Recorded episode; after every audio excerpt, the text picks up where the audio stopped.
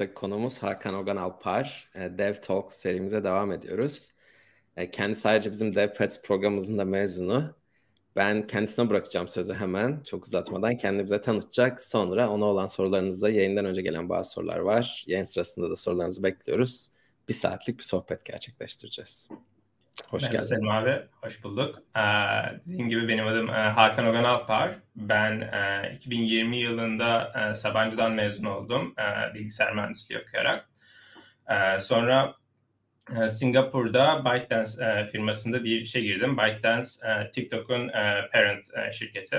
E, ve bundan önce e, Silikon Vadisi şirketlerinde iş ararken e, katılmıştım. Ve DevPads'te bir sene, bir buçuk seneye yakın bir süre vakit geçirdim. Ve şu an e, bir buçuk senedir Singapur'da ByteDance'da çalışıyorum. Teşekkürler. Ee, şimdi e, sor, sorulara e, yayın öncesi gelen sorularla başlayalım. Ben onları yavaş yavaş chat'e de aktarıyorum zaten sorular geldikçe. Ee, bir tanesi yazılım sektörü diğer sektörlere nazaran daha hızlı değişen ve gelişen bir sektör öğrendiğimiz bir şey 6 ay sonra işe yaramaz hale gelebilir. Yaşlandıkça öğrenme kabiliyetimiz de düşüyor. Biraz bana daha çok hitap ediyor senden. Bunlara ileriki yaşlar bunlar ileriki yaşlarda bu sektörde çalışmayı zorlaştırır mı diye sormuş arkadaşımız. Aa, dediğin gibi e, ben bu sektörde sana, sana kıyasla çok yeniyim. E, ama e, dediği konuda evet e, yazılım sektörü bence de çok hızlı ilerliyor. E, ve e, düzenli bir şekilde e, yeni bir şeyler öğrenmek gerekiyor. Ama ben bunun sadece yazılım sektörüne kıyaslı olduğunu zannetmiyorum. E, günümüzde her şey yani çok hızlı ilerliyor ve e, bence sahip olmamız gereken en önemli e, yetenek e, yeni bir şeyleri öğrenmek. Bu sadece yazılımda olmak zorunda değil. E, çünkü e, hayat ve e, çalışacağımız projeler e, bize her zaman yeni problemler verecek ve e, bunların çözümüne ulaşmak için e, bir araştırma yapmamız lazım her zaman. O yüzden e, her zaman öğrenmeye açık olan insanlar olmalıyız bence. E, gelişmeye e, ve gelecekte başarılı olmak istiyorsak.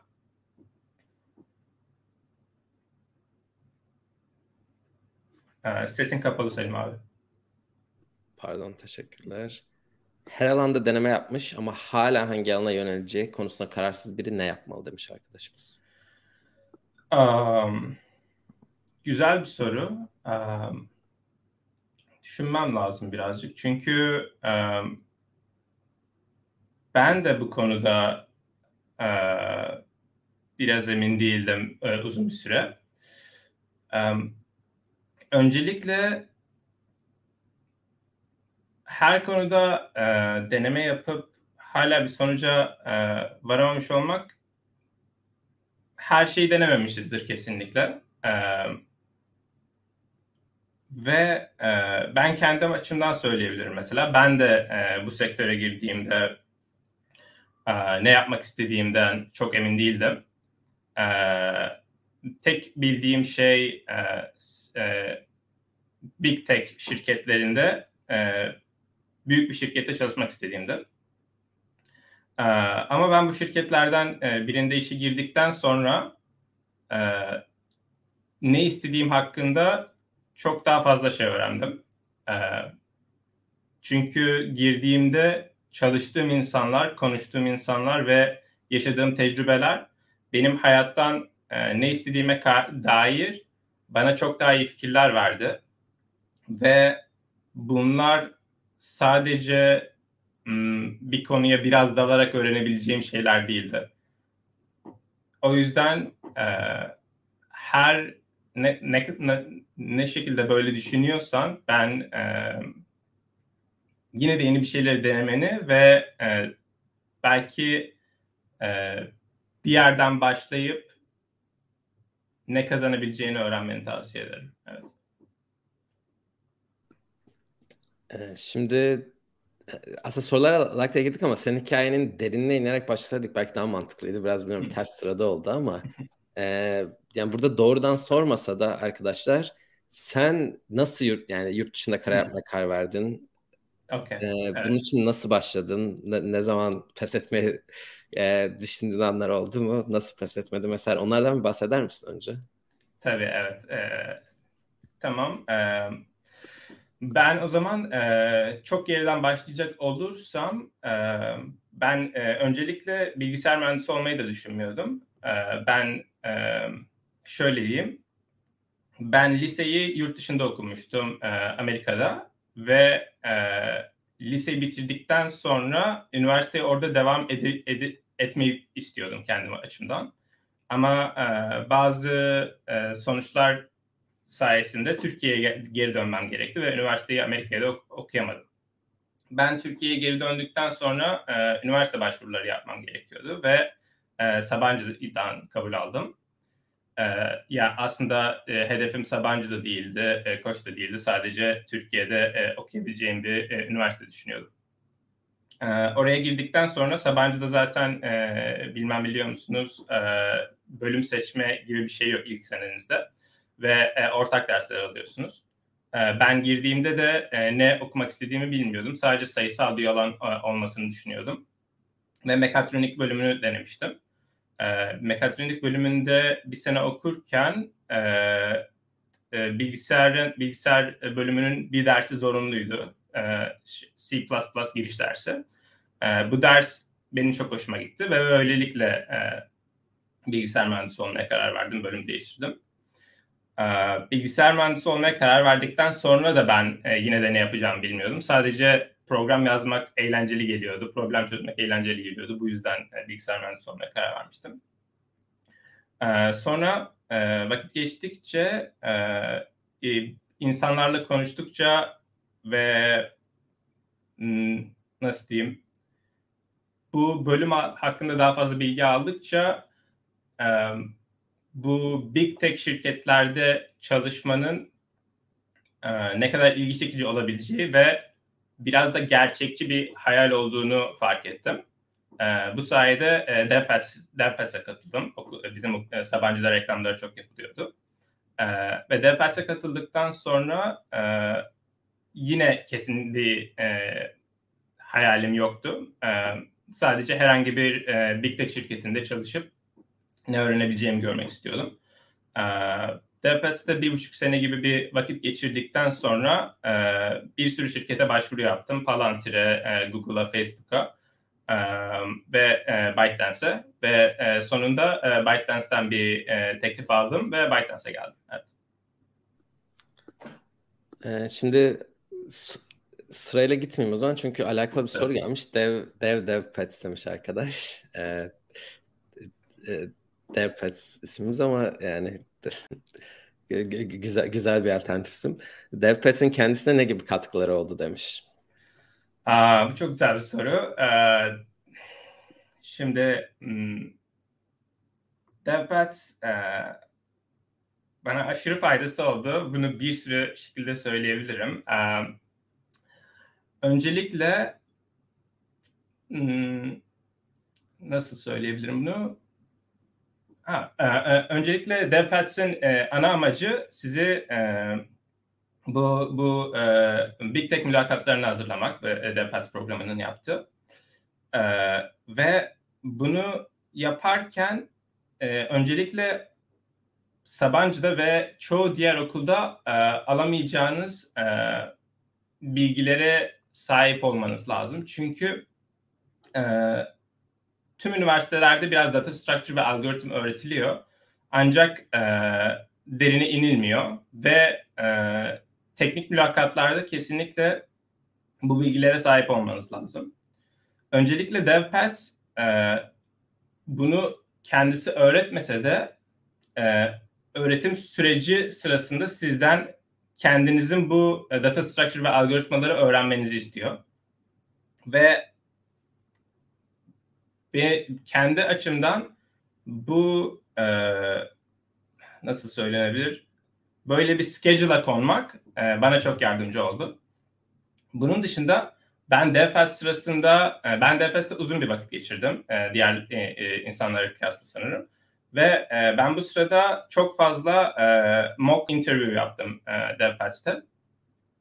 E, ve bu mock interview'lar hem Selim abi tarafından e, yapılıyordu hem de e, birkaç haftada bir e, başka e, e, Silikon Vadisi şirketlerinde çalışan insanlar tarafından yapılıyordu. Bazen e, Amazon, bazen Facebook ve e, ben bu insanlarla e, mock mülakat yaparken hem e, çok fazla şey öğrendim hem de e, bu e, teknik mülakatların ne kadar e, teknik mülakatları geçmenin ne kadar gerçekçi olabileceğini gördüm. E, çünkü mülakat yapıl, yapıldığı sırada bazen bana yapılıyordu, bazen e, ben dinliyordum yapılan insanları.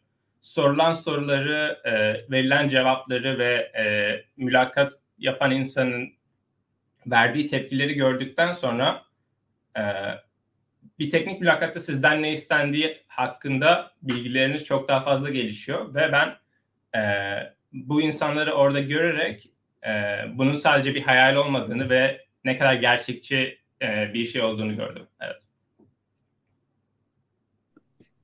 Teşekkürler. Ee, yani alakalı bir soru sormuş bir arkadaşımız. Chat'e sormuş gerçi ama başka hangi okullarda ikisine ortak müfredat var bilen var mı demiş. Sen de biliyorsun. Amerika'da aslında liberal arts college diye bir kavram var. Tam bu değil evet. ama genel olarak çok e, mesleki uzmanlaşmayı biraz geciktiren Evet. Hani genel liberal arts konusunda öğrencileri yetiştiren ama biraz bu Sabancı modeli de uygulayan Ort yani benim bildiğim kadarıyla çok böyle net tanım olan bir ifade değil liberal arts college. ee, ama hani genelde Sabancı tipi onlara daha yaygın. Ama ilk sene sadece ortak dersler bu arada. Yani sonradan evet. iki tane ortak ders var. Bir tane ikinci, evet. bir tane üçüncü sınıfta alınması tavsiye edilen. Ee, yani öyle bence bir sürü okulda aslında eksen ortak müfredat var. Yani okutulmak zorunda olan Türkçe dersi var, inkılap tarihi dersi var. Bir sürü okul matematik, bir fen dersi veriyor bildiğim kadarıyla ama bence Sabancı'daki en büyük farkı e, herkes aynı dersi alıyor. Yani işte e, sosyoloji okuyanlara ayrı bir matematik yok ya da sosyal bilimler fakültesinde okuyanlara ayrı matematik dersi yok. Ya da işte e, mühendislik okuyanlara kolaylaştırılmış bir Türkçe dersi yok. Herkes aynı dersleri aynı sınıflarda karışık bir şekilde alıyor. Onun getirdiği bir zorluk ama bir yandan da geriye dönüp baktığımda bence çok büyük artısı olduğunu düşünüyorum ben. Ee, bilmiyorum sen ne düşünüyorsun ama. Aynı şekilde düşünüyorum evet. evet. Ve de e, başka bölümlerde insanlarla interact etmeni sağlıyor bence. Evet, o, birinci sınıftan o arkadaşlığı kurduğun için bence sonra geri kalan yıllarda da sırf kendi bölümden insanlar tanımış evet. oluyorsun. Ee, onun ötesinde de yani bizim zamanımızda öyle de hala da öyledir herhalde 9-10 tane kitap okuyorduk her dönem roman Türkçe dersi için. Evet. Ee, işte tarih ve dünya tarihiydi sanırım o zaman. İnsan ve toplum dersi vardı pardon. Dünya tarihi dersi. Ee, insan ve toplum ve tarih için de yine bayağı yani herkes hepimiz hepsini okumasak da e, hani okumamız en azından beklenen e, yüz, evet. yani 50-100 sayfa her hafta ortalama okuma oluyordu. evet bence mesela mühendisler arasında inanılmaz bir okuma disiplini kazandırıyor. Aynı şekilde benzer şey mühendis olmayanlar açısından da hani matematik feni görmek gerçekten mühendisliklerle beraber almak bence farklı bir bakış açısı kazandırıyor. Ee, arkadaşın sorusu bu değil ama tam. okay, şimdi devam edelim sorularla. Ee, Başka bir soru. Lisans eğitiminden sonra yurt dışına çalışmak için master veya doktoraya bakış açın, aç, açısı nedir demiş. Seninkini mi kastediyor, genel bakış açısını mı kastediyor? Çok emin değilim. Formdan gelmiş bir soru. Ee, arkadaş formdan veya chatten netleştirse daha iyi olur. Senin bakış açını alalım. Sen gerekli görüyor musun? Aa, ben e, master ve doktora yapmadım. Ee, şöyle diyebilirim. Hmm, gerekli e, derken yani ben dediğim gibi yapmadım ve e, yine de istediğim şirketlerde e, çalışabiliyorum. Ama master veya doktora yapmanın e, faydası da e, yok demeyeceğim. Çünkü asıl bence en büyük faydası e, çoğunlukla bu master ve doktora programlarıyla gelen e, çalışma izinleri var. So e, e, mesela e, Amerika'da master yapıyorsan e, anladığım kadarıyla onunla gelen e, Amerika'da sana bir yıl bir çalışma izni veriliyor. o yüzden orada master yaparken bir şirkete başvurup orada çalış oradan kabul alar, alırsan çalışman daha kolay oluyor. Çünkü sana bir de vize vermek zorunda, e, e, vize sponsorluğu vermek zorunda kalmıyorlar. Ee, Şöyle, ben onu araya gireyim orada o zaman sen evet. devam etmeden. Ee, yani OPT diye bir şey var. Optional Practical Training. Bir de CPT diye bir şey var. Curriculum, e, Curriculum, Curriculum Practical Training sanırım açılımı. Ee, OPT, OPT'de yani bunlar şimdi çok detaylarına girmeyelim ama okay. e, OPT mezun olduktan sonra bir yıl dediğin gibi ama sistem alanlarında mezunsan ve sistem alan kendi alanında bir yerde çalışıyorsan 24 aya kadar da extension alabiliyorlar eğer şirket e-verified ise. Yani bu şirket yani bu e-verified'lık detayı eskiden önemliydi. Mesela Amazon değildi 10 yıl önce. Artık ama yani birçok büyük teknoloji şirketi öyle. Ee, bu yani 3 yıla yakın alabiliyorlar ama yine de bazı firmalar çalıştırmak istemeyebiliyor. Çünkü birincisi bir noktada H1B'ye başvurmaları gerekiyor ya da Green Card'a. Hani bunlar masraflı bir süreçler. Ufak da risk çıkmama şansı var. İşte çok büyük firmalar hiçbir şekilde vize çıkmazsa Kanada'ya yollama, işte Avrupa'ya yollama gibi çözümler bulmaya çalışıyorlar o ara sürede. Vesaire vesaire. Bu işin detayları var ama yani şöyle bağlayayım. Ee, burada okumadan çalışma izni almak çok çok daha zor. Evet, evet. Ee, so, ben e, büyük bir katkısının böyle olduğunu düşünüyorum. Ee, bunun dışında e, bildiğim kadarıyla e, şirketlerin bazı e, başvuruları sadece e, master ve PhD candidate'ları açılıyor. Bu daha çok e, research bazlı e, field'lar olduğunu düşünüyorum. E, böyle şeylere ilgin varsa belki e, gerekli duyabilirsin ama e, bir generalist software engineer için e, zorunlu olduğunu düşünmüyorum. Evet, teşekkürler. Ee, çalışmak için neden Singapur'u tercih ettin? Aa, aslında benim e, bir bir e, zorunlu gördüğüm bir e, seçim değildi. Ben e, İngilizce e, konuş e, ana dili İngilizce olan herhangi bir ülkede çalışmayı düşünüyordum. E, ben e, Amerika'da e, iş bulmanın e, bir Türk için daha zor olduğunu düşünüyordum ve e, o yüzden Avrupa, Kanada ve e, Singapur düşünüyordum e, başvurularımda. E, dediğim gibi o yüzden çok target e, değildi Singapur ama e, kesinlikle geldiğim için memnunum e, ve e, çok e, memnun kaldığım bir ülke diyebilirim.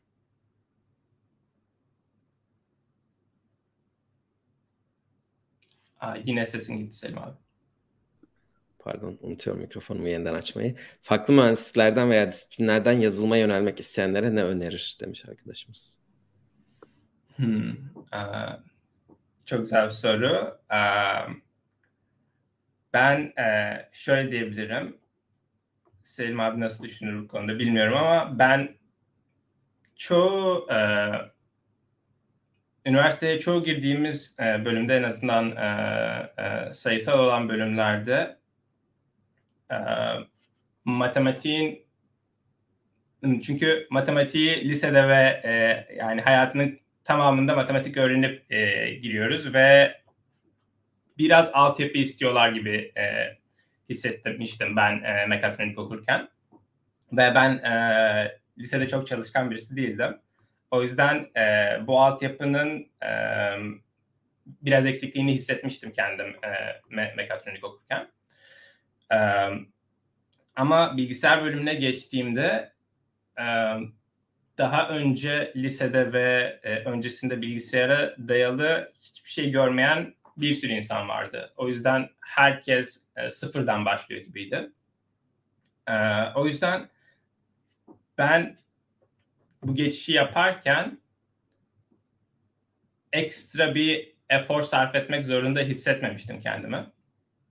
Ee, öğrenmek istediğim her şey bana e, üniversitem tarafından sunuluyor gibi hissetmiştim. E, ve yapmak gereken e, tek şey e, bu konu problem çözmeye ilgin olması ve e, sıkı çalışmak diye düşünüyorum. Ya matematik aslında bilgisayarda da var herhalde ama. Evet, evet ama e, tabii ki e, ama nasıl söyleyebilirim? Beginning e, başlangıçta sadece programlamayı öğrenirken yani bazını e, çok ağır bir matematik gerektiğini düşünmüyorum. Sonra tabii e, linear algebra ya da e, probability gibi şeyler gerekiyor ama e, onlar çok daha e, easily e, pick e, çok daha basit girilebilecek şeyler bence. Evet. Bir de bence belki çok daha hemen iki dakikada kodlayıp kodunu gördüğün için e, evet. şey duygusu yaratıyor evet, Evet, evet. E, yani o e, tatmin duygusunu çok daha çabuk elde ediyorsun evet. diğer mühendisliklere göre. Evet. E, şimdi bize bir arkadaşımız soru sormuş. DevPet başvuruları ne zaman açılacak diye. Büyük ihtimalle Ağustos sonu ama e, bazı format ve katılım şartı değişiklikleri getirmeyi düşünüyoruz. E, artık katılımı daha zorlaştırmayı düşünüyoruz. E, çünkü, çünkü her yani bu zaten istatistik olarak her zaman doğru. Başlayan grubun yarısı dördüncü haftadan eleniyor. E, onun için biraz böyle ama nasıl olsa biz de dönem gelirim gibi bir duygu oluşmaya başladı bazılarında. Yani onun önüne geçmek için bazı daha ciddi şartlar getirmeyi düşünüyoruz onu söyleyeyim. Şimdi bir söz vermeyeyim ama büyük ihtimal Ağustos sonu Eylül başı gibi açılacak.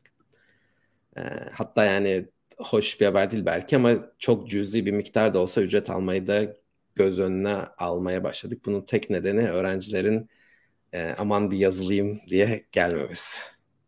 Aslında tam öyle değil yani 6-7 saatlik bir test yolluyoruz sen de hatırlarsın. E, ama yine de ona rağmen yani onu yapıp 3 hafta gelip sonradan ya okulum çok yoğunlaştı diyenler var. E, ki yani bu konuda çok uyarıyoruz. Sen ve benimle çalıştın çok, çok net söylediğimizi düşünüyorum ilk haftalardan. Hani bu bir mazeret değil. Bunu düşünerek gelin diye. Ee, bir de genel klasik bir şeydir. İnsanlar para verdikleri şey çok daha ciddiye alırlar. Ee, onun için yani yine burslarımız olacak büyük ihtimalle. Gerçekten isteyen ve hiç imkan olmayanlara ama farklı alternatifler düşünüyoruz. Göz önünde bulunduruyoruz şu an. Ee, Okay. Sana bir soru var. Bundan sonraki hedefin ne? Nasıl bir şirkette çalışmak istersin? Buna bilmiyorum cevap vermen doğru olur mu etik olarak şu an başka bir şirkette çalışırken. Yani, Aa, şunu hangi söyleyebilirim. Hangi şirketleri beğendiğinden belki bahsedebiliriz. Ş- şöyle bir şey söyleyeyim ben. Aa, Selim abi hatırlıyor musun bilmiyorum ama ben e, ByteDance'e e, QA Engineer, e, e, Software Engineer in Test olarak katılmıştım. E, bu e, bir generalist software engineering rolü değildi. Yani daha e, daha fazla e, bu benim katıldığım rolde yaptığımız şey software engineer'ların design ettiği software'lere test software yazmak gibi bir şeydi. Yani TikTok app olsun mesela yeni bir sürüm yayınlanacağında bunun testini ile alakalı kodu yazan takım bizdik. Ee, ve bu benim e, kariyerimin sonunu gördüğüm yer değildi. Ben e, hep generalist bir e, e software engineer olmak istiyordum ve, ve backend engineering yapmak istiyordum. E, ve e, birkaç ay önce e, böyle bir pozisyona geçiş yaptım. Yani aslında şu an kariyerimdeki e, e, ulaşmak istediğim pozisyona ulaştım. Şu an e, bulunduğum durumdan memnun olduğum için e, yeni bir hedef seçmedim kendime açıkçası. Şu an sadece e, yeni pozisyonumu öğrenmeye ve e, takımıma katkıda bulunmaya çalışıyorum. Ama e, gelecekte ne gelecekteki hedefimi de düşünürsem yani 5-10 year plan olarak e, belki daha büyük bir e, kariyer değişikliği yapıp e, game development sektörüne de girebileceğimi düşünüyorum. Çünkü çalışırken side project, hobi olarak böyle şeylere ilgim var. Evet. Yani şimdi şunu fark ettim. Hiç ByteDance alakalı soru gelmiyor. Bu şaşırtıcı. Bence ByteDance'in ne olduğunu e, herkes bilmiyor olabilir. E, istiyorsan onu da bir aç. Demin aslında bahsettin TikTok'tan ama evet. e, büyük ihtimalle o bağlantıyı herkes yapmamış olabilir şöyle söyleyeyim. ByteDance Çin bazlı bir şirket ve altında bir sürü büyük product var açıkçası benim de tam bilmediğim. Ama herkesin bileceği productları TikTok, günlük kullandığımız short form video app'i. Ve ben her ne kadar ByteDance altında çalışıyor, çalış çalışıyorsam da e, günlük e, işim TikTok e, üzerinde e, development yapmaktı. Evet.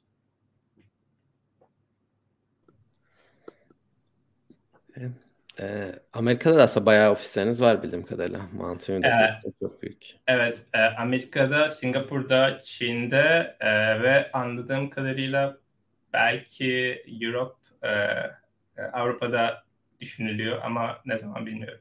Evet. Okay. Ee, bize bir soru gelmiş. DevPES'e başvurmak için üniversite şartı koşuyor musunuz? Kabul ettiğiniz veya öncelik verdiğiniz belli okullar var mı? Hayır. E, hayır ama çeşitlilik olması açısından her okulun en iyi başvurusunu almaya çalışıyoruz. Belli bir barajın üstünde. E, çünkü hani bir okuldan bir kişinin başarılı olması okuldan gelen diğer kişileri de motive eder diye inanıyoruz. Birazcık yani daha az başvuru gelen okullara belki pozitif ayrımcılık yapmaya çalıştığımız dönemler oldu. Ee, hani belirli okullarda en az bir öğrenci olsun mantığıyla ama yine belli bir seviyenin üzerinde. Ee, ama yani tam tersi. Hani bu, bu soru biraz daha benim okulum çok bilinmiyor gibi geliyorsa tam tersi. Aslında bilinmeyen okullardan hevesli ve bu işe kafayı koymuş insanlara öncelik vermeye çalışıyoruz. Ee, bilinen okullardan da ama hani başarılı. Yani çok kısaca bahsedeyim bir test yolluyoruz. On, onlar dediğim gibi değişebilir ama bugüne kadar öyle oldu. Bir 6-7 saat sürüyor herhalde değil mi? Yani en az 4 saat sürüyordur herhalde. Evet. Onun yani bir sürü soru var. Kodlama sorusu var. Uzunluğu ondan yani bir soru proje değil. Standart, çok standart Silikon Vadisi mülakatlarında sorulan kodlama soruları. Hani onların hepsini iyi kötü biraz yapan, belli bir seviyenin üzerinde o puan alanları sonra işte okullarına, formda yazdıklarına bakıyoruz. Ortalamalarına da biraz bakıyoruz. Hani bu başlı başına hiçbiri e, böyle zorun sınav notu hariç zorunlu şart değil ama hani belli bir trend gözüküyor zaten. Özellikle şeyi anlamaya çalışıyoruz. Veri yapıları ve algoritmalardan kötü not aldıysa onunla alakalı mantıklı bir açıklaması var mı? Bunu da anlamaya çalışıyoruz. Çünkü gerçekten veri yapıları ve algoritmaları bilmeyen birinin bence bu mülakat sürecinde başarılı olma şansı sıfır. Ee, benim gözlemlediğim en büyük yanlışlık bu şimdi bütün bu firmalar işte çok düşün biz nasıl düşündüğünüzü ölçüyoruz, bilginizi ölçmüyoruz falan gibi e, kendileri lanse ediyorlar. Ve aslında bu bir anlamda doğru. Ama hani bence bunu bazı arkadaşlar gerçekten çok yanlış yorumluyor. Sonuçta bu bir atıyorum felsefe sınavı değil. Hani düşünme ölçüyoruz derken e, orada orada demin olasılıktan bahsettik. Çok hani conditionally e, bilgisayar mühendisi olduğunuzu varsayarak nasıl düşünüyor ya da bilgisayar mühendisi eğitimi alan biri olduğunuzu varsayarak nasıl düşündüğünüzle ilgileniyorlar. İşte yani yazılım projeleri kapsamında yazılımda ortaya çıkan problemler, sorunlar kapsamında nasıl düşündüğünüzü merak ediyorlar. Yani düşünme şekliniz o demek. Belli bir bilgi aramıyoruz demek. Belli bir teknoloji. İşte React biliyor musunuz, bilmiyor musunuz? En, en, işte e, ne bileyim bir programlama dilini Python'ı biliyor musunuz bilmiyor musunuz çok aramıyorlar genelde.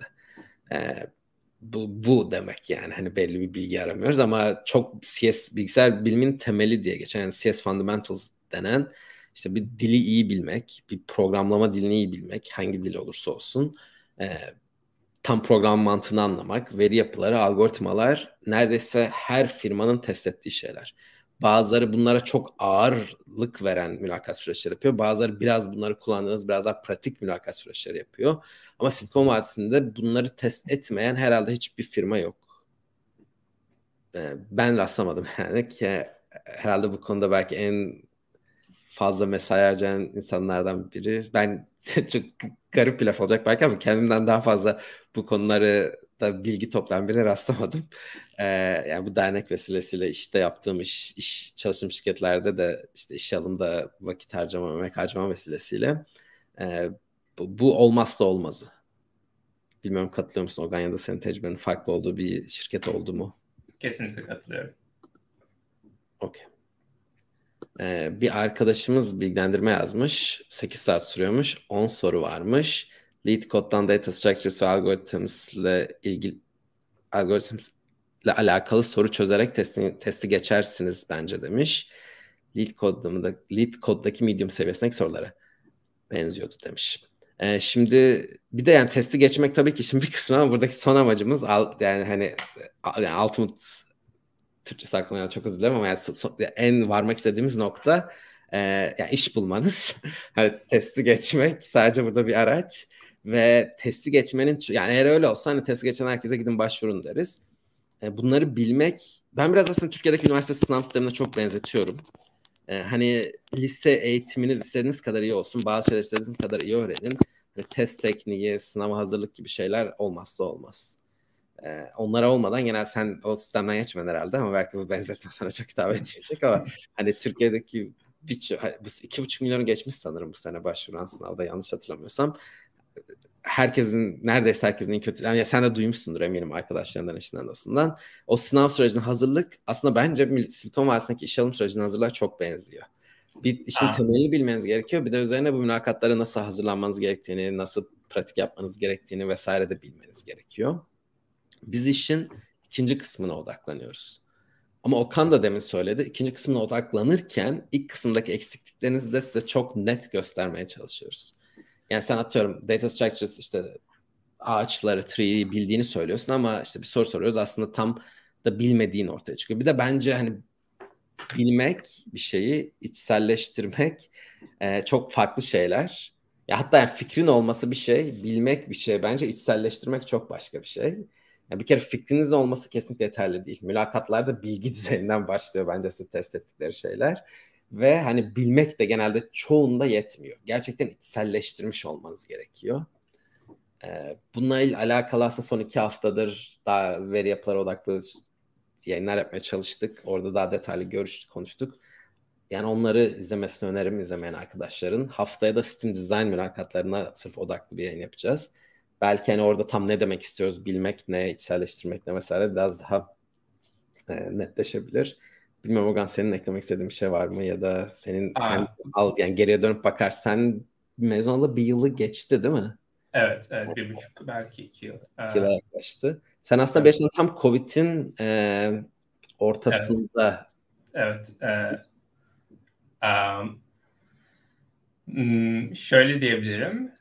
Ben dediklerine kesinlikle katılıyorum ve e, içselleştirme konusunda e, dediğin gibi e, ben şunu söyleyebilirim. Dediğim gibi um, DevPats'te çok fazla mock interview yapıyorduk ve benim kendim açısından en başarılı e, gördüğüm mülakatlardan birisi e, bir kere e, bir Amazon e, engineer'la e, mülakat yap- yapma şansım olmuştu e, e, DevPats'teyken ve e, bana e, Heap Heap ile alakalı, Heap Data Structure ile alakalı bir e, soru sorulmuştu ve e, soruyu çözdükten sonra time complexity gibi şeyler hakkında konuşmaya başlamıştık. Bu da e, programın e, ne kadar hızlı çalışacağı ile alakalı. E, ve e, sonra Heap Data Structure'ın daha internal e, working ile alakalı konuşmaya başladığımızda ben e, Heap Generation algoritmasının o en vakitte yapılabileceği hakkında e, konuşmuştum. E, bu da e, e, nasıl söyleyebilirim? Sabancı'da öğrendiğimiz, e, data structure dersinde öğrendiğimiz bilgilerden birisiydi. Bu çok e,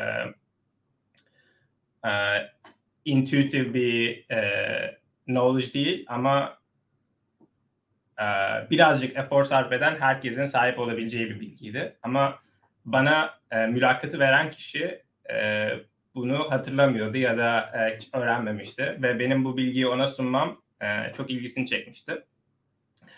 E, o yüzden e, her ne kadar bu e, şirketler sizin bulmaca çözme yeteneğinize bakıyorsa da altyapınız yoksa zaten e, bu bilgiyi onlara sunamayacaksınız. O yüzden e, data structure ve algoritm konusunda sahip olabileceğiniz e, ne bilgi varsa e, buna sahip olmanız e, step one. Evet.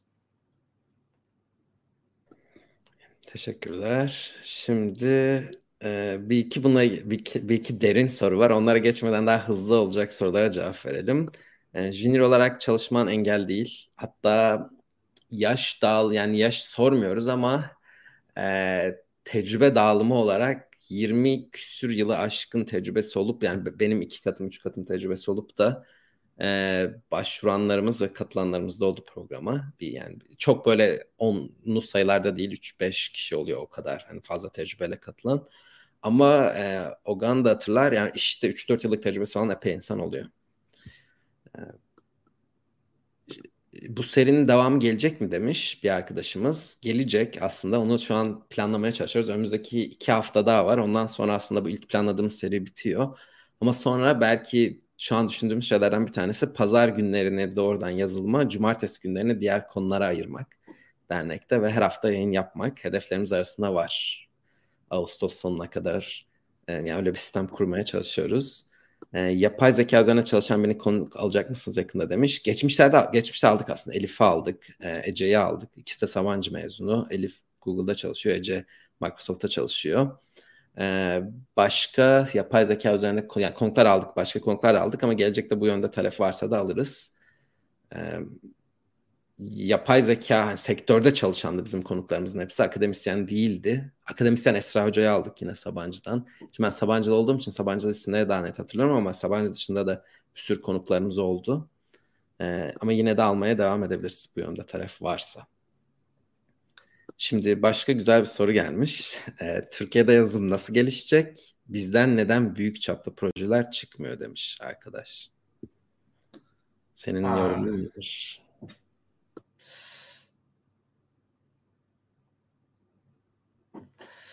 Güzel bir soru. çok bilgili olduğumu söyleyemeyeceğim bu konuda. Ben çünkü çok araştırma yapmamıştım Türkiye'de çalışma konusunda. Ama belki bu sebeplerinden birisi bile olabilir. Türkiye'de çalışmak başarılı bir mühendisin gidip yurt dışında çalışmayı tercih etmek yerine Türkiye'de çalışmayı tercih etmeyi e, düşünmesi için çok sebep göremiyorum ben e, ailesine e, yakın olmak dışında. E, şu an e, sebeplerinden birisinin bu olduğunu söyleyebilirim bence. E, ama pek araştırma yapmadığım için bu konuda ne kadar e, objektif bir e, düşünce bunu bilemem. Evet yani onun detaylarına girmek istiyor musun yoksa yeter bu kadar cevabı? Uh, yani um, e, bu birazcık e, Türkiye ekonomisi ve ve e, ya sadece ekonomi değil herhalde değil mi? Yani bu çok hani artık herkesin bildiği bir şey. Ne yazık ki şu evet. an benim en azından konuştuğum her öğrencinin neredeyse istisnasız her öğrencinin ki ben binlerce abartı olur belki ama yani her yıl yüzün üzerinde öğren yüzlerce denilebilecek kadar öğrenciyle bir şekilde konuşuyorum. Hani 100-200 tane her yıl konuşuyorumdur.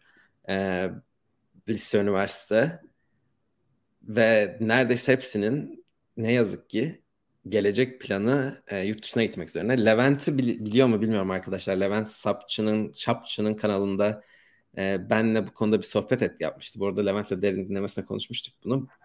E, yani bilmiyorum katılıyor musun Ogan? Bence birincisi e, benim kişisel görüşüm insanların kendilerini mutlu edebilmeleri ön şart olmalı. Kendisini mutlu edemeyenin ben ülkesine de ailesine de dünyaya da bir katkısı olacağını inanmıyorum. Onun için bence insanların kendi mutluluklarını aramaları kesinlikle suçlanacak, ayıplanacak bir şey değil bence. O bir. Yani ikincisi şu an insanlar bir öfkeyle gidiyor gibi gözüküyor. En azından benim dönemime göre öyle. Benim dönemimde öyle öfkeyle değildi. Yani benim dönemimde de mantıklı karar o gibi geliyordu hepimize. Yani en azından bana bunu Sabancı'daki hocalarım da söylüyordu. Eğer ben akademisyen olmak istedim aslında sana benzer bir şeyim var. Ben de bir, yani hiç yazım düşünmüyordum son ankette Sabancı giriş anketteki son tercihimdi. Sonra da hiç sektör düşünmüyordum. Hep de, de hiç düşünmüyorsam onları yaptım ama e, yani o dönem bana da işte akademisyen olacaksan Türkiye'de bile yaşamak istiyorsan bir git Amerika'da bunu yap, yayın yap işte orada bir doktor al falan deniyordum. Ee, benim de gelen birçok kişi öyle geliyordu aslında. Yani bir gelelim ileride bakarız gibi. Şimdiki bir sürü kişi çok büyük öfkeyle geliyor ne yazık ki. Ama ben yani şeye de çok inanırım. Bence öfkeyle acı aynı madalyonun iki yüzü. Yani öfke duyan herkesin aslında altında duyduğu büyük derin bir acı da vardır. Bence öfke yerine acıya odaklanırsa bu konuda kafa yoranlar neden insanlar hani bu kadar büyük bir acı duyuyorlar? Ee, neden bu noktaya geldiler? Bence öfke çok da anlaşılır oluyor o zaman. E, bu nedenlerden dolayı da yani bence bunun şu aşamada belki çok dolaylı ve gerçekçi gelmeyebilir bu soruyu yazan arkadaş. Forumdan yazdığı için kim olduğunu bilmiyoruz. İsmini de yazmamış ama bence insanların yurt dışına gidip iyi şirketlerde çalışması 5 yıl sonra, 10 yıl sonra, 20 yıl sonra Türkiye'den büyük projeler çıkması açısından bir artı değer olabilir. Yani eğer Türkiye'de yaşamayı tekrar isterlerse bu kişiler, yaşamadan mutlu olacaklarına inanırlarsa yaşadıkları, edindikleri tecrübeleri geri getirmeleri çok daha kolay diye düşünüyorum. Bilmiyorum katılıyor musun? Evet kesinlikle ve ben e, şöyle birkaç e, bir şey söyleyebilirim.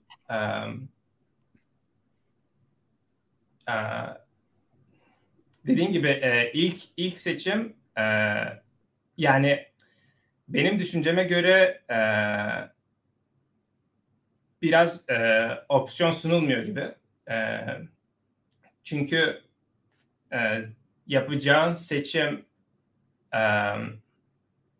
her ay um, yani belki e, çok accurate olmayacak ama e, ya, sahip olduğun iki seçim varsa ve seçimlerden birisi e, her ay e, kiranı ödeyip e, birkaç bir şey yapıp e, sonra bir dahaki ayı nasıl getireceğimi düşünmekse ve alternatif olarak e, ikinci seçimim hayattan çok daha keyif alıp insanlara e, geri katkıda bulunabileceğim bir e, seçimse aileme yardımcı olabileceğim ve ve e, hayattan keyif alarak e, tadını çıkararak yaşayabileceğim bir hayatsa it's, e, çok bir seçim şansı e, sunulmuyor gibi zaten. E, bence e, Türkiye'de yazılım gelişecek derken Türkiye zaten e, nitelikli e, mühendis geliştiriyor ki bu mühendisler yurt dışında iş bulabiliyor.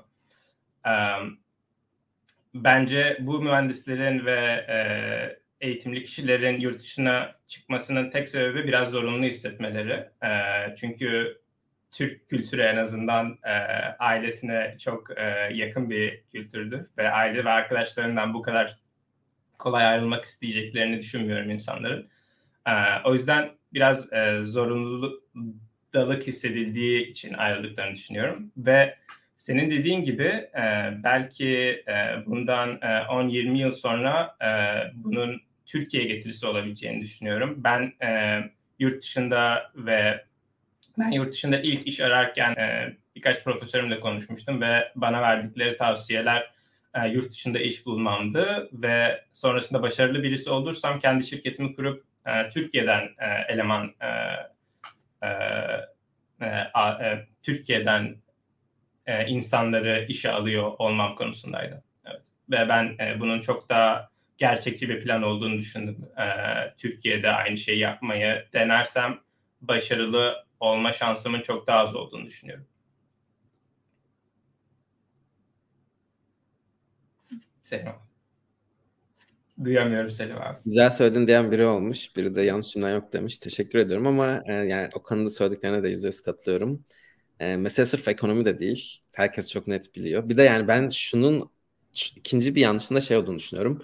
Hani genelde mesela atıyorum şimdi bu hafta e, işte Pride Onur haftası yasaklanmış falan. Yürüyüşler bu tarz şeyler aslında e, yani bu Türkiye'nin bence tek, deminki soruda çok alakalı şeyler. Çünkü yani kend, ho, mesela Silikon Vadisi'nde bence çok göz ardı edilen bir nokta var. Burada dünyanın her yerinden insan kendini çok rahat hissedebiliyor. Bu, bu duygudan dolayı da hani burası bu kadar gelişiyor. Yaşam mesela çok pahalı. Dünyanın en pahalı yerlerinden. Singapur'da çok pahalı gerçi ama Singapur'da gelir vergisi çok düşük. Vergileri ee, çok az. Vergi de çok yüksek. Ee, yaşam da pahalı. Ama ona rağmen biraz ya Amerika için de mesela başka yerde yaşayıp bir tık daha belki fazla yani maaşınız düşüyor ama bazı firmalar maaşını da düşürmüyor ama yine de mesela burada yaşamayı tercih edenler var. Ee, bunun bence nedeni burada dünyanın her yerinden olursa olsun insanlar kendi olabilmeyi hani kendileri olabiliyorlar. Türkiye'de ben 37 yaşındayım. İşte bizim çocukluğumuzda ne bileyim işte türbanlar üniversiteye gidemiyordu. Başörtüler üniversiteye gidemiyordu. İşte devir değişti. Şimdi başkaları kendi olamıyor. Sürekli bir hoca bir hoca. Hani insanlara kendi olma şansı verilmediği için bence biraz da bu oluyor. Ama çünkü bence mesele eğer gerçekten başarılı olmak istiyorsak gerçekten işte Orta Doğu'daki İsrail gibi hat yani savaş öncesi Rusya gibi e, yazılımın böyle çok kendi firmalarını üreten gerçekten üreten dünya çapında bilen bir iki tane değil. Tabii biliyorum bir iki tane, üç tane, beş tane isim var. Olmak istiyorsak bence bu da çok önemli. Yani insanların kaçmak istediği, yaşamak istediği ülke olmak. Evet. Yani o noktada bence çok önemli. Neyse bu konu çok şey oldu. Arkadaşımız Selçuk Bayraktar'ı almak ister misiniz demiş. Yani biz ulaşırız ama ulaşmaya çalışırız. E, iletişim bilgileri varsa e, bize yollarsa info.cpets.org'dan yazabilir. E, birazdan yoruma yaz, yazarız. E, e-mail adresine Or- oradan bize yazabilir. Selçuk Bey'in e-mail adresine tabii ki ulaşmak isteriz. E, konuk etmek de isteriz. Niye istemeyelim? Okay. Şimdi diğer sorulara geri dönelim. Ee, aviyonetik sistem yazılımı üzerine de videolar gelecek mi demiş arkadaşımız. Ben ne olduğunu bilmiyorum. ne demek oluyor aviyonetik yazılım? Ama yer gelebilir. Ar araştırırım. Ee, ben haberleşme mi oluyor? Aviyonik ne oluyor? Bilmiyorum. Hava, havayla mı? Aviation'ın Türkçesi mi? Aviyonik? Öyle tahmin ediyorum ama ben de bilmiyorum. Aviation'sa yani hiç düşünmedik. Aslında benim de çok kişisel olarak ilgi duyduğum bir alan. Ee, tabii ki isteriz. Hani bunu geri bildirim olarak alıyoruz dediğim gibi ama özellikle varsa akıllarında isim bize söylerlerse daha akıllı. Yani şöyle biz gelen bu tarz geri bildirimlerin hepsine en azından bir şansımız deniyoruz. Ama herkes gelmiyor. Bazıları geleceğim diyor gelmiyor. Ee, hani Ogan bu konuda sağ olsun hiç naz yapmadı bize. Yani naz da demek istemiyorum. İnsanların tabii kendi yoğunlukları var, bir sürü işleri var. Ee, ama hani genelde bu, bu geleceğim deyip gelmeyen de çok insan oluyor. Ee, ama biz deneriz dediğim gibi. Aerospace Engineering demiş bu arkadaşımız da. Onu da geri bildirim olarak alalım. Bunları not alıyorum ben. Evet havacılıkmış sanırım. Doğru, o zaman Aviation'ın Türkçesi oluyor herhalde. Özür diliyorum. Bilmiyordum ben. Okey. Şimdi seninle formdan gelen sorulara devam edelim. Daha aktarılmamış chat'e özür diliyoruz ondan ama formda 2-3 soru daha var. Ee, sen cevaplarken chat'e de aktarırız arkadaşların görmesi için. Bir arkadaşımız demiş ki e, anlattıklarınız iyi hoş da e, biz Sabancı'da okumayanların şansı işte, yani biraz uzun bir şekilde sormuş ama kısacası üniversite ben iyi üniversiteye gidemiyorum. Nasıl olacak bu iş demiş. Aa, güzel bir soru. Aa, öncelikle um, dünya ve internet öyle bir noktaya geldi ki um, bir konuda bilgi sahibi olmak istiyorsan e, seni durduracak olan tek şey senin kendi motivasyonun bence. Um, bilgisayar mühendisliğini öğrenmek için e, üniversite okumak şart değil.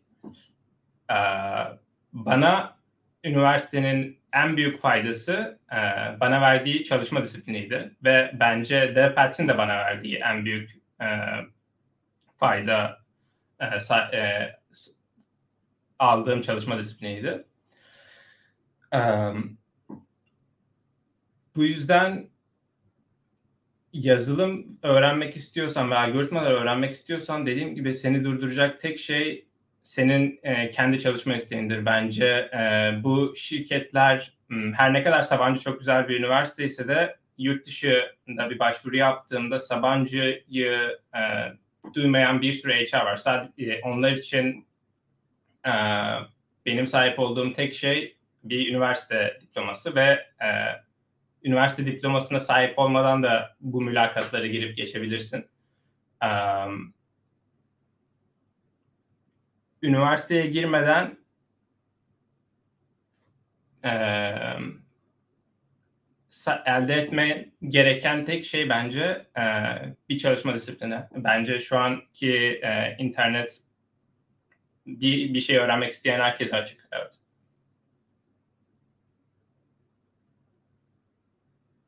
Selim abi üzgünüm yine. Üzgün olma tam tersi iyi ki haber veriyorsun. Benim orada gözlerim yaşardı. Konuyla alakalı ışık var kaçmakla alakalı. Ee, göz, yani benim gözlerim şey akıyor e, çabuk ışıktan. Ee, şey kanala konuk olmak için sahip olmamız gereken tekler nelerdir? Mesela 4. sınıf bilgisayar mühendisliği öğrencisi oluyor mu? Nasıl başarısı olur onu anlatabilirim demiş. Genelde mezun öğrenci almaya çalışıyoruz. Onun dışında yani tek sınavımız tercih dönemlerinde kendi üniversitelerini anlatmaları için. En azından mezun olmuş bir yere işe girmiş veya staja girmiş hani mezun olmamış öğrenciler anlatmaya çalışıyoruz ki yani nasıl yaptıklarını anlatsınlar. Arkadaş ben bizimle benimle iletişime geçmesini öneririm. Belki onun başarısızlık hikayesini kendi tabiriyle başarı hikayesine çevirmesine yardımcı olmaya çalışabiliriz. Başarı hikayesine çevirdiği zaman da tabii ki konuk almak isteriz. Ee, yani önemli olan bence pes etmemek ki tam onunla evet. alakalı bir soru gelmiş. Teknik olarak kendimizi geliştirirken bazen çok zorlandığımız, pes etmeye başladığımız zamanlar oluyor. Bu gibi zamanlarda kendinizi nasıl motive ettiniz, nasıl düşündünüz? Bence bu çok güzel bir soru. Sizin dönemle özellikle bunu çok konuşuyorduk ve e, bir başka bir yorum gelmiş. Forumdan gelmiş. Onu da yollayayım. Bu yorumu okurken de aklıma geldi o. Ee, yani Selim abi bu arada yaptığınızın eşi benzeri yok. Her yayınız ayrı, ayrı bilgilendirici. Bu umutsuz ortamda biz gençlere büyük örnek teşkil ediyorsunuz demiş. Arkadaş teşekkür etmiş. Tam şey düşünüyordum. Tanımadan böyle diyorlar. Genelde derslerime geldikten sonra e, ne denir? Ya, ya, yaka, yaka silkiyorlar diye içimden tam, tam bu düşünce geçiyordu bu yorumu okurken. Şimdi bunu paylaşmayacaktım. Çok fazla kendimi övmek olmasın ama o düşünce geçmişti. Arkadaş e, şöyle yani bu umutsuzluğa ben bilmiyorum ben e, sen cevap ver tabii de yani şey demek çalışıyorum. Ben genelde bende çalışanlar bilir. E, yani pes etmek duygusunu pek sevmem. Ve hani iteklemeye devam ederim mutlaka bir şey çıkana kadar. Bazen bunu yapış şeklim o an için rahatsız edici olabiliyor herhalde ama yani hem bu, bununla ilgili de benimle alakalı şeyler de söyleyebilirsiniz çekinme. Hem de bu soruya cevap verirsiniz. Um, o zaman öncelikle uh, öncelikle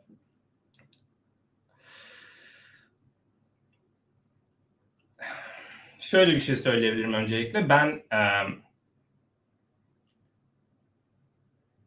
üniversiteye girdiğimde de e, size söylediğim gibi ben e, Türkiye'de üniversite okumayı planlamıyordum. E, hayatımı yurt dışında devam ettireceğimi düşünüyordum e, lise okurken. E, Türkiye'ye döndükten sonra ben öncelikle kendimde e, Türkiye'de e, çalışmayı opsiyon olarak görmemiştim. E, o yüzden e, benim için tek bir yol vardı. E, pes etmek gibi bir e, opsiyonu hiçbir zaman kendimde hissetmedim. Evet ve ve um, birazcık sert olacak ama uh, dünyanın şu anki durumunda um, hele ki üniversiteden sonra yaptığımız e, seçimlerin e, bize göre dönüşü e, çok ağır olabilir. O yüzden e, doğru bir yolda ilerliyorsak e, biraz filozofik olacak ama e, ben hiçbir zaman e, pes etmenin bir opsiyon olarak olacağını e, bir opsiyon olarak tercih edebileceğimizi düşünmüyorum. Bunun dışında kendimi nasıl motive ettim? Öncelikle ben Dempets'e ilk katıldığımda algoritmalar konusunda çok başarılı değildim ve kendime bir limit koymuştum. Her gün iki tane data structure sorusu çözecektim. Ve bu e, ilk girdiğimde e, benim için çok e, problemliydi. Bazen e, saatlerimi alıyordu bu soruları çözmek. E, ama e, biliyordum ki şu an yaşadığım problemler ben bu konuda başarılı olmazsam bana gelecekte yaşatacağı problemlere kıyasla çok daha azdı. E, o yüzden e, devam etmem gerektiğini biliyordum. Ve aslında bu e, acı süreci çok uzun bir süreç değil. E, bir iki ay boyunca e, çok çalışırsanız bu konu üzerinde bence e, yaptığınız eforun faydasını görmeye başlıyorsunuz. Ve bu eforun faydasını gördüğünüzde zaten e, pes etmenize gerek kalmıyor. Çünkü e, eforun faydasını gördüğünüzde kendinizi motive ediyorsunuz ve e, ilerlememeniz için bir sebep kalmıyor. Bu ilk giriş açısında söyleyebilirim. Bunun dışında e, benim de pes etmek istediğim çok vakit oldu. E, ben dediğim gibi DevPats'te uzun süre e, kaldım diğer öğrencilere kıyasla. Ee, ve ben mezun olduktan sonra e, Google'da son mülakatında kalmıştım. E, yani geçememiştim. Google'da bir e, interview sürecine girmiştim. Geçememiştim. Palantir'de e, bir mülakat sürecine girip davranışsal mülakatta kalmıştım. Ve bunun dışında yaklaşık 200 ya da daha fazla şirkette iş başvurusu yapıp geri dönüş bile almamıştım. Ve bunların bazıları DevPats'ten aracılıkla e, referansla başvurduğum e, şirketlerdi ve gerçekten bir geri dönüş alacağım umuduyla yapmıştım bunu. E, ama dediğim gibi e, hayattan gerçekten istediğim şeyin yurt dışında çalışmak olduğunu ve başka bir e, opsiyonum olmadığını biliyordum. O yüzden pes etmek gibi bir şansım yoktu. Son olarak e, bu e, CV e, şey geri dönüş almadığım şirketler beni birazcık demotive etmişti en sona doğru. O yüzden de sürecim uzamıştı. Ve bunu da azaltmak için yaptığım şey kendime bir e, zaman limiti koymuştum. Ben e, üniversiteden mezun olduktan sonra ailem beni hiç aslında e, iş bulmak için zorlamadı. Biliyorlardı benim yurt dışında iş bulmak istediğimi. E, ama m, birazcık demotive olduğumda e, Türkiye'de bir iki işe başvurmuştum açıkçası. E, ve e, bunlar Türkiye'deki e, oyun şirketleriydi. Türkiye'de çoğunlukla hyper casual ve e, casual e, oyunlar vardır. Bilmem bilir misiniz? Ve e, iş başvuruları e, hoş e, mülakatlar değildi. Ve bazılarından yine e, reject almıştım. Ve ben kendi kendime düşünüyordum ki e, ben bu ben yıllarca yurt dışındaki şirketlerde çalışmak için e, efor sarf ettim ve şimdi çalışmak istemediğim şirketler bile beni niteliksiz görüyor. Bu nasıl olabilir diye düşünüyordum. E, ama sonra e, kendime e, bir limit koydum. Dedim ki e, yeni yıla kadar, o zaman sanırım e, 3-4 ay vardı yeni yıla. Yurt dışında başvurabildiğim her şirkete başvuracağım ve elimden geleni en sonuna kadar yapacağım. Bunun sonucunda bir yere varamazsam e, Türkiye'deki şirketlere tekrar başvurmaya başlayacağım ama e, bu zamana kadar full effort e, hayalimi e, gerçekleştirmeye çalışacağım demiştim ve sonunda başarılı oldum. E, pes etmek konusunda bunları söyleyebilirim. Ayrıca Selim abiyle e, Selim abinin dediği gibi DevPads konusunda da konuşacaksam e, onu ayrıca istiyorsan Selim abi bununla buraya kadar söylediğim hakkında söylemek istediğim bir şey var mı yoksa Yine kesildi Selim abi. Pardon hep unutuyorum. Ee, çok doğru söylediğin şeyler. Yani hepimizin de başından geçen ilk iş arayışında ben o zaman da söylüyordum hep söylemişimdir eminim çünkü çok söylediğim bir laf. İlk iş en zor bulması iş. Ama ilk işten sonra da gerçekten hayatınız ömür boyu çok kolaylaşıyor. Bir de demin de söyledin. Bence o biraz geriye de gidiyor. Sadece ilk işte değil. Bence yani lise ya hatta ilkokuldan itibaren ama bence özellikle lise üniversite çok kritik İnsanın lise üniversite yıllarında kendisine kattığı her saat yani kendisi için harcadığı her saat, kendisini geliştirmek için harcadığı her saat bence gerçekten günler, aylar olarak geri dönüyor hayatının geri kalanında. Yani evet. bu ben abartısız söylüyorum bunu. Ee, daha kolay, sırf para maddi anlamda da değil ki bence o anlamda da. Ee, ama hani gelecekte kendinize çok daha fazla zaman açıyorsunuz diye düşünüyorum. Kesinlikle. Ee, yani Tepet önünde de özellikle o demek yorumda gösterdim. Benim başıma bu çok geliyor. Çünkü bu yayınlardan falan e, daha e, çalışma şeklimle alakalı yanlış bir izlenim edinebiliyor arkadaşlar. E, ya olduğumdan daha ne denir? Hoşgörüsüz demek, hoşgörülü demek istemeyeceğim ama yani e, hoşgörüsüzlük değil bence yaptım ama disiplinli ve bazen çok katı olduğumla alakalı geri bildirim alıyorum. Ee, ama bence ö, yani o bakış açısının ben çok gerektiğine inanıyorum. Hani bazen belki benim yapış şeklim yanlıştır. E, ne bileyim hani o ortamdaki de, durumu veya detayları çok göz önüne almıyordur falan filan ama yani genel olarak özünde bu tarz kafa yapısında olanların hani bazen pat pat pat gerçek söylendiğinde yılmayanların ben hep çok başarılı devam ettiğini gördüm bu süreçte çalıştığımız öğrencilerde. Evet. Onunla ilgili tabii ki söylemek istediğin eleştiri, e, geriye dön, analiz ne istersen söyleyebilirsin. ben e, şöyle diyebilirim. Bence de e, ben kesinlikle yaptığın, söylediğin şeyi yaptığını kesinlikle inanıyorum. Yani e, bir bir nasıl söyleyebilirim bunu? E, Deprez'e katıldığımda e, büyük bir stres hissetmiştim ben. E, çünkü e, Selim abinin eğitiminde benim gördüğüm kadarıyla yine yanlışsam düzeltmeyin Selim abi ama e, gördüğüm kadarıyla daha fazla e, e, yanlışa odaklanılır. Çoğunlukla doğru yaptığımız şeyler üzerinde çok fazla durmayız. Çünkü e, nasıl diyeyim Devpat bir support grubu değil değil mi? Sonuçta bir şeyler öğrenmek için oradayız ve e, Selim abi o yüzden e, ne konuda kendimizi geliştirebileceksek o konuda çok baskı yapar ve bu baskıyı alıp ilerleyebilecek insanlar çoğunlukla Devpas'ta kalıyor. Ben ilk katıldığımda bu stresi çok yaşamıştım e, ama sonrasında fark ettim ki mülakatlara girdiğimde hiç stres hissetmiyorum. E,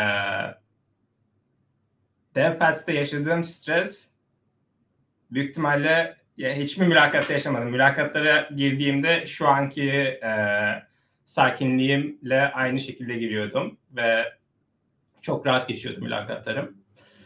Bunun dışında e, dediğim gibi DevPats'te birazcık stres var ama e, ne yazık ki gerçek hayatta da stres var. E, o yüzden yani gerçek bir şirkete girdiğinizde de patronunuz sizden bir şeyler isteyecek ve e, bir şeyleri gerçekleştirmeniz gerekecek değil mi? Sonuçta e, hayatın her yerinde stres var ve bence DevPads belki ilk e, ilk odağı bu olmasa da bu konuda da çok yardımcı olduğunu düşünüyorum ben.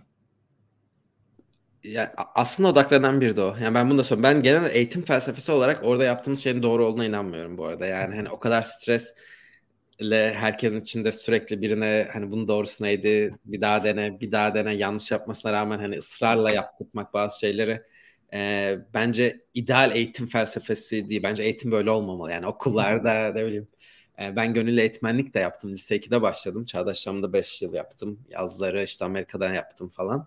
E, yani benim hani genel olarak eğitim felsefem o değil. Ama bence demin dediğin gibi yani en önemli şeylerden biri yan değil bence. Ana ana fayda yani sağlamak istediğim şeylerden biri o stresi de yaşatmak. Çünkü mülakat süreci stresli bir süreç. Ne kadar mülakat yaparsanız yapın ben yani yüzlerce mülakata binlerce mülakat yaptım yüzlerce mülakata girdim. E, bir ay önce iş değiştirdim. İşte iki, iki buçuk ay önce bir, bir aylık, bir buçuk aylık mülakat sürecim oldu farklı farklı firmalarla. E, hala belli bir stresi var işin. Çünkü karşı taraf orayı istiyorsanız ister istemez hafif bir stres oluyorsunuz bu strese de hazırlanmaları, stres karşısında performa edebilmeleri bence en önemli hazırlık süreçlerinden bir tanesi. Ee, ama hani bir de ama şöyle yani hani bir stresle yanlış bir algıda kurmak istemem. Yani stres kurma şeklimiz gerçekten yanlış yaptığı şeyleri söylemek. Hani bir hakaret ne bileyim konu, konu dışı bir şeyle stres kurma değil. Yani hani teknik olarak mülakatta mülakat yapan kişinin aklından geçen ama söylemediği e, şeyleri böyle çok açık tekrar tekrar söylemek. Yani çünkü mülakatta not alırlar ya da yazarlar işte şu konuları derin bilmiyor. Cevapları çok yüzeyseldi. Geçer gider. Sana hani çok yüzeysel cevap verdin demez. Biz orada onu söylüyoruz. Bir daha söylüyoruz. Bir de belki bir daha söylüyoruz. Ee, bazen yani o ben onu anlıyorum. Tabii ki oradaki öğrencilerin bazen böyle dolmalarını sen, sen onu hiç yaşadın bilmiyorum. Bunu yaşayanlar da oluyor. Ee, bu bence çok normal. Ama hani buna hazırlanmak da dediğin gibi bence çok önemli bir kısmı iş. Mülakatın belki de en önemli kısımlarından biri o stresi yönetebilmek. E, o konuda da e, hedeflerden biri bu. Şimdi kapatmak istiyorum. Ben bir 5 dakikada geçtik bir toparlayıp e, Pazar Tekke'deki okul mu demiş arkadaş. Bilmiyorum neresi Pazar Tekke. Benim e, esprimi gerçekten mi sormuş bilmiyorum. e, Pazar Tekke diye bir ilçe mi var? Öyle mi? Neyse eğer bana soruyorsa o işi ben yok Yeni Sara ve şeyde e, Fikirtepe'de de benim gönüllü eğitmenliklerim. Benim zamanımda orada orasıydı. Pilot bölgesi. Çağdaş Yaşam Destekleme Derneği Kadıköy Şubesi'nin e, bu yani kentsel dönüşümden önce yıkılmadan önce oradaki Evet aynen doğru o zaman Çağdaş Şam diye sormuş arkadaş. Kadıköy şubesiydi benim gönüllülük yaptığım şube. Ee, oydu demiş. Şimdi Furkan demiş ki kırılma anı ne zaman oluyor? Burada hani iyi anlamda mı kötü anlamda mı? Ee, yani kırılan yani kırılıp gitme anlamındaysa eğer e, sende yani olmadı ki bakalım. Evet, evet, evet. oluyordur. Efendim? Yani kırılma kırılanlar mutlaka oluyordur dedim. Kırılan ve gidenler. Ee, onu mu sormak istemiş Furkan emin değilim. Bir daha daha detaylı yazarsa. Ee, son soru şu olsun bence. 25 yaşından sonra yazılım dili hobi olarak öğrenilir mi? Aa, ee, pardon iyi ona geçmeden iyi manada artık teknoloji olarak hazır hissetmedim. Sende ne zaman oldu? Ya da oluyormuş. Ben şunu çok duyuyorum bu arada. Yani DevPats'teki kadar hiçbir mülakatta zorlanmadım. Hani hiçbir zaman DevPats'te kendimi hazır hissetmemiştim ama hani mülakatlara girince pat pat yaptım diye. Sen de bilmiyorum. Ben ben bunu senin mülakatlarında kesinlikle hissettim ama e, e, ziyaretçi mülakatlar e, insanlar geldiğinde onlar senin kadar e, zorlamıyordu. Onlar açıkçası biraz kolaydı. E, onlar da ama, hazır ne oldu yani? Ne kadar evet. hazır ettin bunu? İşte ben bu, bu konuda da e, belki çok bir şey söyleyebilirim. E, şimdi e, dediğimiz gibi e, bir, bir bir teknik mülakatta en önemli olan şey e, data structure ve algoritm konusunda e, bilgili olmak. Ve ben e, bu konu üzerinde e, çok fazla soru çözmüştüm. Ben e, senin dediğin gibi ben üniversite sınavına girmedim. E, ama e, kendim için bunun e, bir e, üniversite sınavı gibi olması gerektiğini düşündüm ve kendimi öyle hazırladım. E, ve e, yani sayısını hatırlamıyorum ama normal bir insana göre çok soru çözmüştüm. E, ama kendimi hazır hissetmem kendimi hazır hissettikten sonra da çok soru, soru çözmüştüm diyebilirim yani. Kendimi hazır hissetmem aslında DevPats'te bir buçuk sene kaldıysam ben e, 6 ayda belki kendimi e, hazır hissetmiştim. Ama ya e, gerçekten yeterince hazır değildim ya da yeterince başvuru yapmamıştım ki e, istediğim sonuca ulaşamamıştım. Ama en azından bilgi açısından 6 ayda kendimi kesinlikle başladığım yere göre çok daha bilgili birisi olarak görüyordum bu e, data structure ve algoritma konusunda evet. Okey. Şimdi son soruyla kapatalım bence o zaman. Birkaç tane daha ufak soru gelmiş. Bunların bir kıs büyük kısmına yayının başına cevap verdin zaten. Yayını baştan izleyip hala cevap almadığını düşünen arkadaşlar varsa bize yorumlardan veya e-mailden ulaşabilirler. 25 yaşından sonra yazılım dili hobi olarak öğrenilir mi demiş. Aa, sen cevap vermeden ben bir şey söyleyeyim. Ben kendim mesela 21 yaşında ilk defa kod yazdım. Yani üniversite 2'de 21, 19 yaşına başladım çünkü üniversite.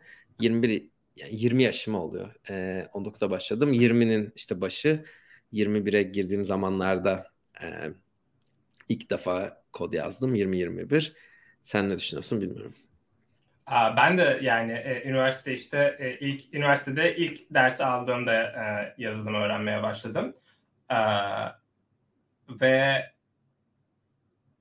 kesinlikle e, öğren öğrenilmemesi için bir sebep e, olduğunu düşünmüyorum. Ben e, şu an yazılım bilsem de yazılımın hiç öğrenmediğim alanları konusunda kendime hobi olarak e, bilgi katmaya çalışıyorum. Dediğim gibi e, ya kendi e, zamanımda hobi olarak e, game development yapıyorum ve e, her ne kadar yazılım kullanarak yapsam da daha önce e, girmediğim ve e, şu an denediğim, kendi başıma öğrendiğim bir hobi. E, gitar çalmaktan ya da e, gidip e, scuba diving yapmaktan daha zor bir girişi olduğunu düşünmüyorum açıkçası. Sadece e, her hobide olduğu gibi birazcık motivasyon ve efor gerektiğini düşünüyorum.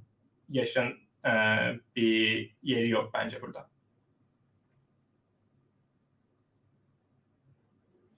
abi. Yine teşekkür ediyoruz bütün verdiğin cevaplar için. Ee, dediğim gibi diğer arkadaşların sorularına cevap verdiğini düşünüyorum ben. Ee, genel olarak almadıklarına inanıyor, inanıyorlarsa da bizimle iletişime geçebilirler. Haftaya yine yayınımız var. Ondan sonraki haftada bu serinin kapanış yayını var.